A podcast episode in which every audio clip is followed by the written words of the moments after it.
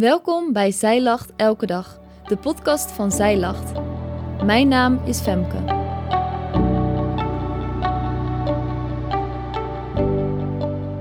Dit is de overdenking van 27 augustus, geschreven door oudschrijfster Vivian Straver. Pure paniek. Vanuit alle kanten wordt er aan je getrokken. Terwijl je op je werk probeert te laten zien dat jij die promotie echt waard bent, ligt er een heel huis in puin aan je vraagt om onderhouden te worden. Ondertussen zijn er nog voldoende taken die kunnen worden ingevuld bij de kerk en is er een wilde aan sociale contacten die dolgraag tijd met je willen doorbrengen.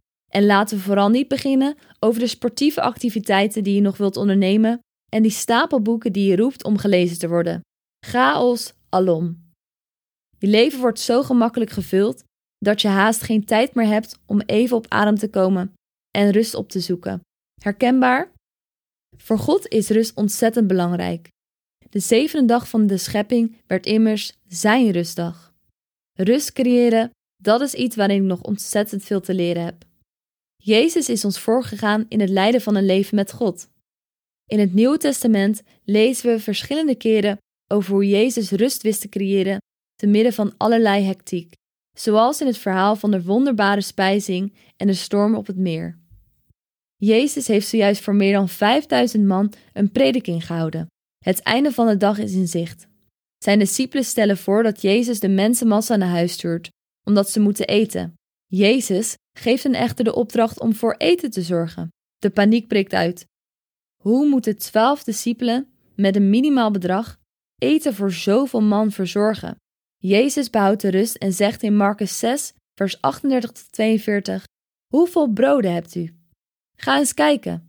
En toen zij het te weten waren gekomen, zeiden zij: Vijf en twee vissen. Hij droeg hen op om alle in groepen te laten gaan zitten in het groene gras.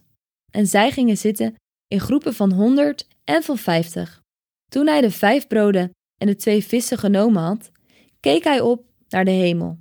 Hij zegende het en brak de broden en gaf ze aan zijn discipelen, opdat zij die aan hen zouden voortzetten en de twee vissen verdeelde hij onder allen. En zij aten alle en werden verzadigd. Een ander verhaal. Het is een lange dag geweest. Jezus besluit samen met zijn discipelen in de boot te stappen en er een eind aan te breien voor vandaag.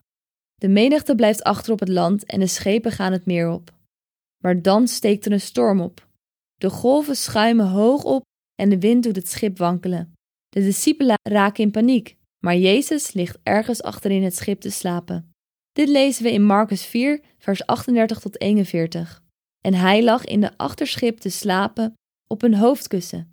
En zij wekte hem en zeiden tegen hem: Meester, bekommer u zich er toch niet om dat wij vergaan? Hij, wakker geworden, bestrafte de wind en zei tegen de zee: Zwijg, wees stil. En de wind ging liggen en er kwam een grote stilte. En hij zei tegen hen: Waarom bent u zo angstig? Hebt u dan geen geloof? Wat onze situatie ook is, we mogen uit deze twee verhalen over Jezus leren. Wanneer Hij omringd wordt door mensen die allemaal iets van Hem verlangen, of wanneer Hij zich midden in een storm bevindt, Hij weet rust te vinden. En Hij leert ons hoe we ook die rust kunnen vinden. In welke storm, aan mensen of zaken je je ook bevindt, je mag naar God kijken en erop vertrouwen dat Hij rust geeft in jouw chaos. Jezus keek op naar de hemel en hij had geloof dat God rust zou geven.